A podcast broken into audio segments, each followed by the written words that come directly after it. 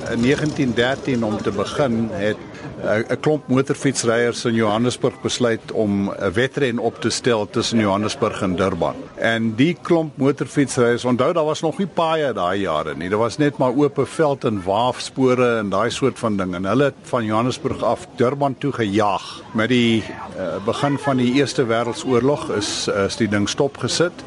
Uh, en in 1920 het hulle weer begin jag as 'n wedren tussen Durban en Johannesburg. Dit het nou toe ontwikkel in 'n ding wat bekend as die DJ bekend is. En hy het geloop tot 1936. In 1936 was die laaste wedren wat hulle gehad het. Want hulle het op openbare paaie 'n wedren gehou en dit het toe weer onwettig geword om dit te doen. Dis 'n tydren en nie 'n wedren nie. Die verskil tussen 'n tydren en 'n wedren is eenvoudig hierdie. Elke deelnemer is sekere tye en spoede gegee om te handhaaf. En vir elke sekonde wat hy vroeg of laat op sekere punte wat ons besluit om te meet, kry hy 'n boete vir daarvoor. Hy kry punte teen hom.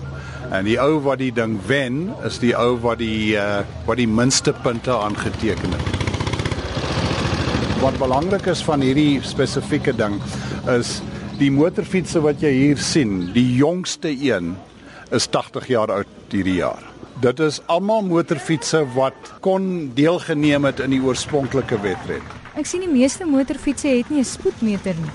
Presies, ja, die uit die aard van die saak, hierdie mense, almal wat hierdie ou fietsse mag nie 'n speedometer hê nie.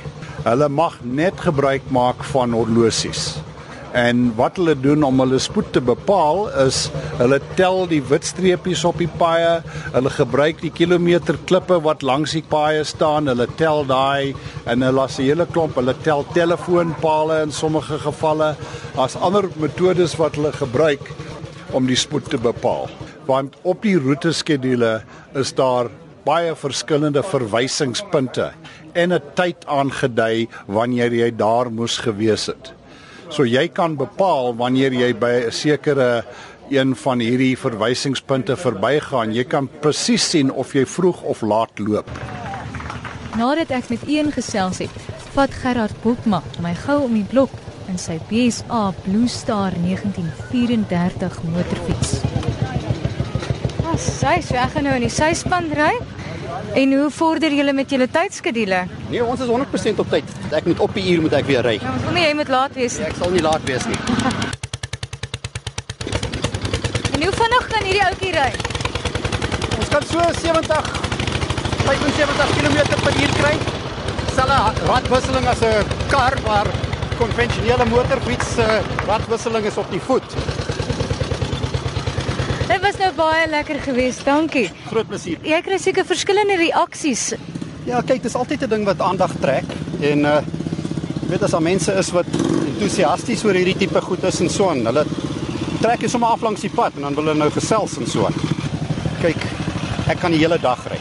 Nie eens moeg gesit nie. Nee, jou gat raak so 'n bietjie seer. Hierdie jaar het my vrou nou saam met my in die syspan gery. Bietjie met haar praat want ek hoor dis harde werk om hier in die syspan ja, te nee, sit. Ja, sy het swaar gekry en sy het koud gekry ook. En ek het dit net geniet. Dit is baie mooi besienswaardighede. Hierdie slaggate vat tog al aan 'n ou se ribbes. Ek kan dink, maar dit is baie lekker. Ek moet sê dit was net baie koud geweest, maar ek is nou nou ondooi. So ek sien uit om nou by die huis te kom.